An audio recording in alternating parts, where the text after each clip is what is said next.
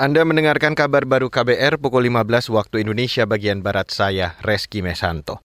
Saudara Presiden Joko Widodo menyerahkan tampuk kepemimpinan presidensi G20 kepada Perdana Menteri India Narendra Modi. Penyerahan itu disampaikan di penghujung sesi pertemuan ketiga konferensi tingkat tinggi atau KTT G20 yang digelar di Hotel Apurva Kempinski, Bali hari ini. Akan melanjutkan kepemimpinan presidensi G20 berikutnya, amanah untuk menjaga dan mewujudkan pemulihan global, serta pertumbuhan yang kuat dan inklusif selanjutnya berada di tangan yang mulia Perdana Menteri Narendra Modi. Saya yakin di bawah kepemimpinan Perdana Menteri Modi, G20 akan terus bergerak Presiden Jokowi yakin kepemimpinan India ke depan bisa mewujudkan pemulihan global serta pertumbuhan dunia yang makin kuat dan eksklusif. Ia menambahkan Indonesia akan terus mendukung setiap pergerakan yang dilakukan dalam G20.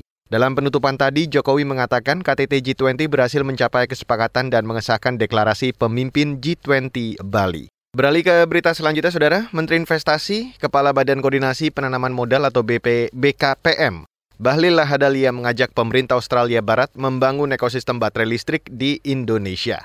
Balil mengajak Australia Barat berkolaborasi mendukung hilirisasi dan energi baru terbarukan.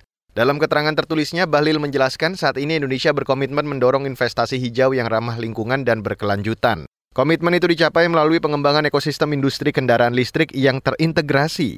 Menurutnya, saat ini merupakan momentum yang tepat bagi Indonesia dan Australia untuk memperkuat hubungan perekonomian, khususnya dalam hal investasi, di mana Indonesia dan Australia memiliki ke ke kekuatan di sektor pertambangan.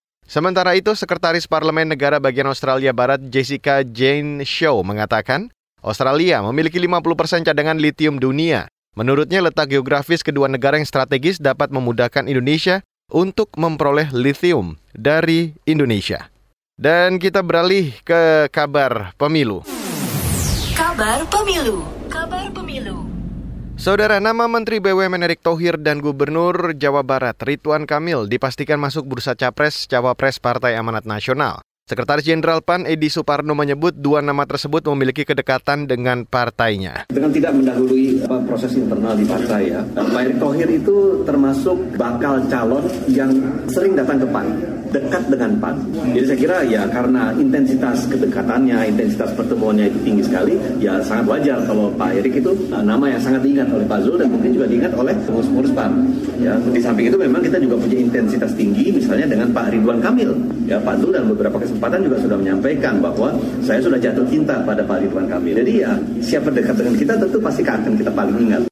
Sekjen PAN Edi Suparno menegaskan saat ini partainya memiliki sembilan nama kandidat yang akan diseleksi menjadi tiga.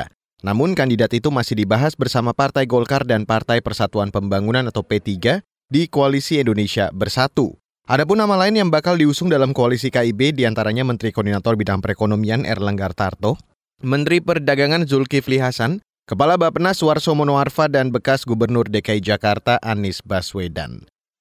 Dan saudara, Demikian kabar baru, saya Reski Mesanto.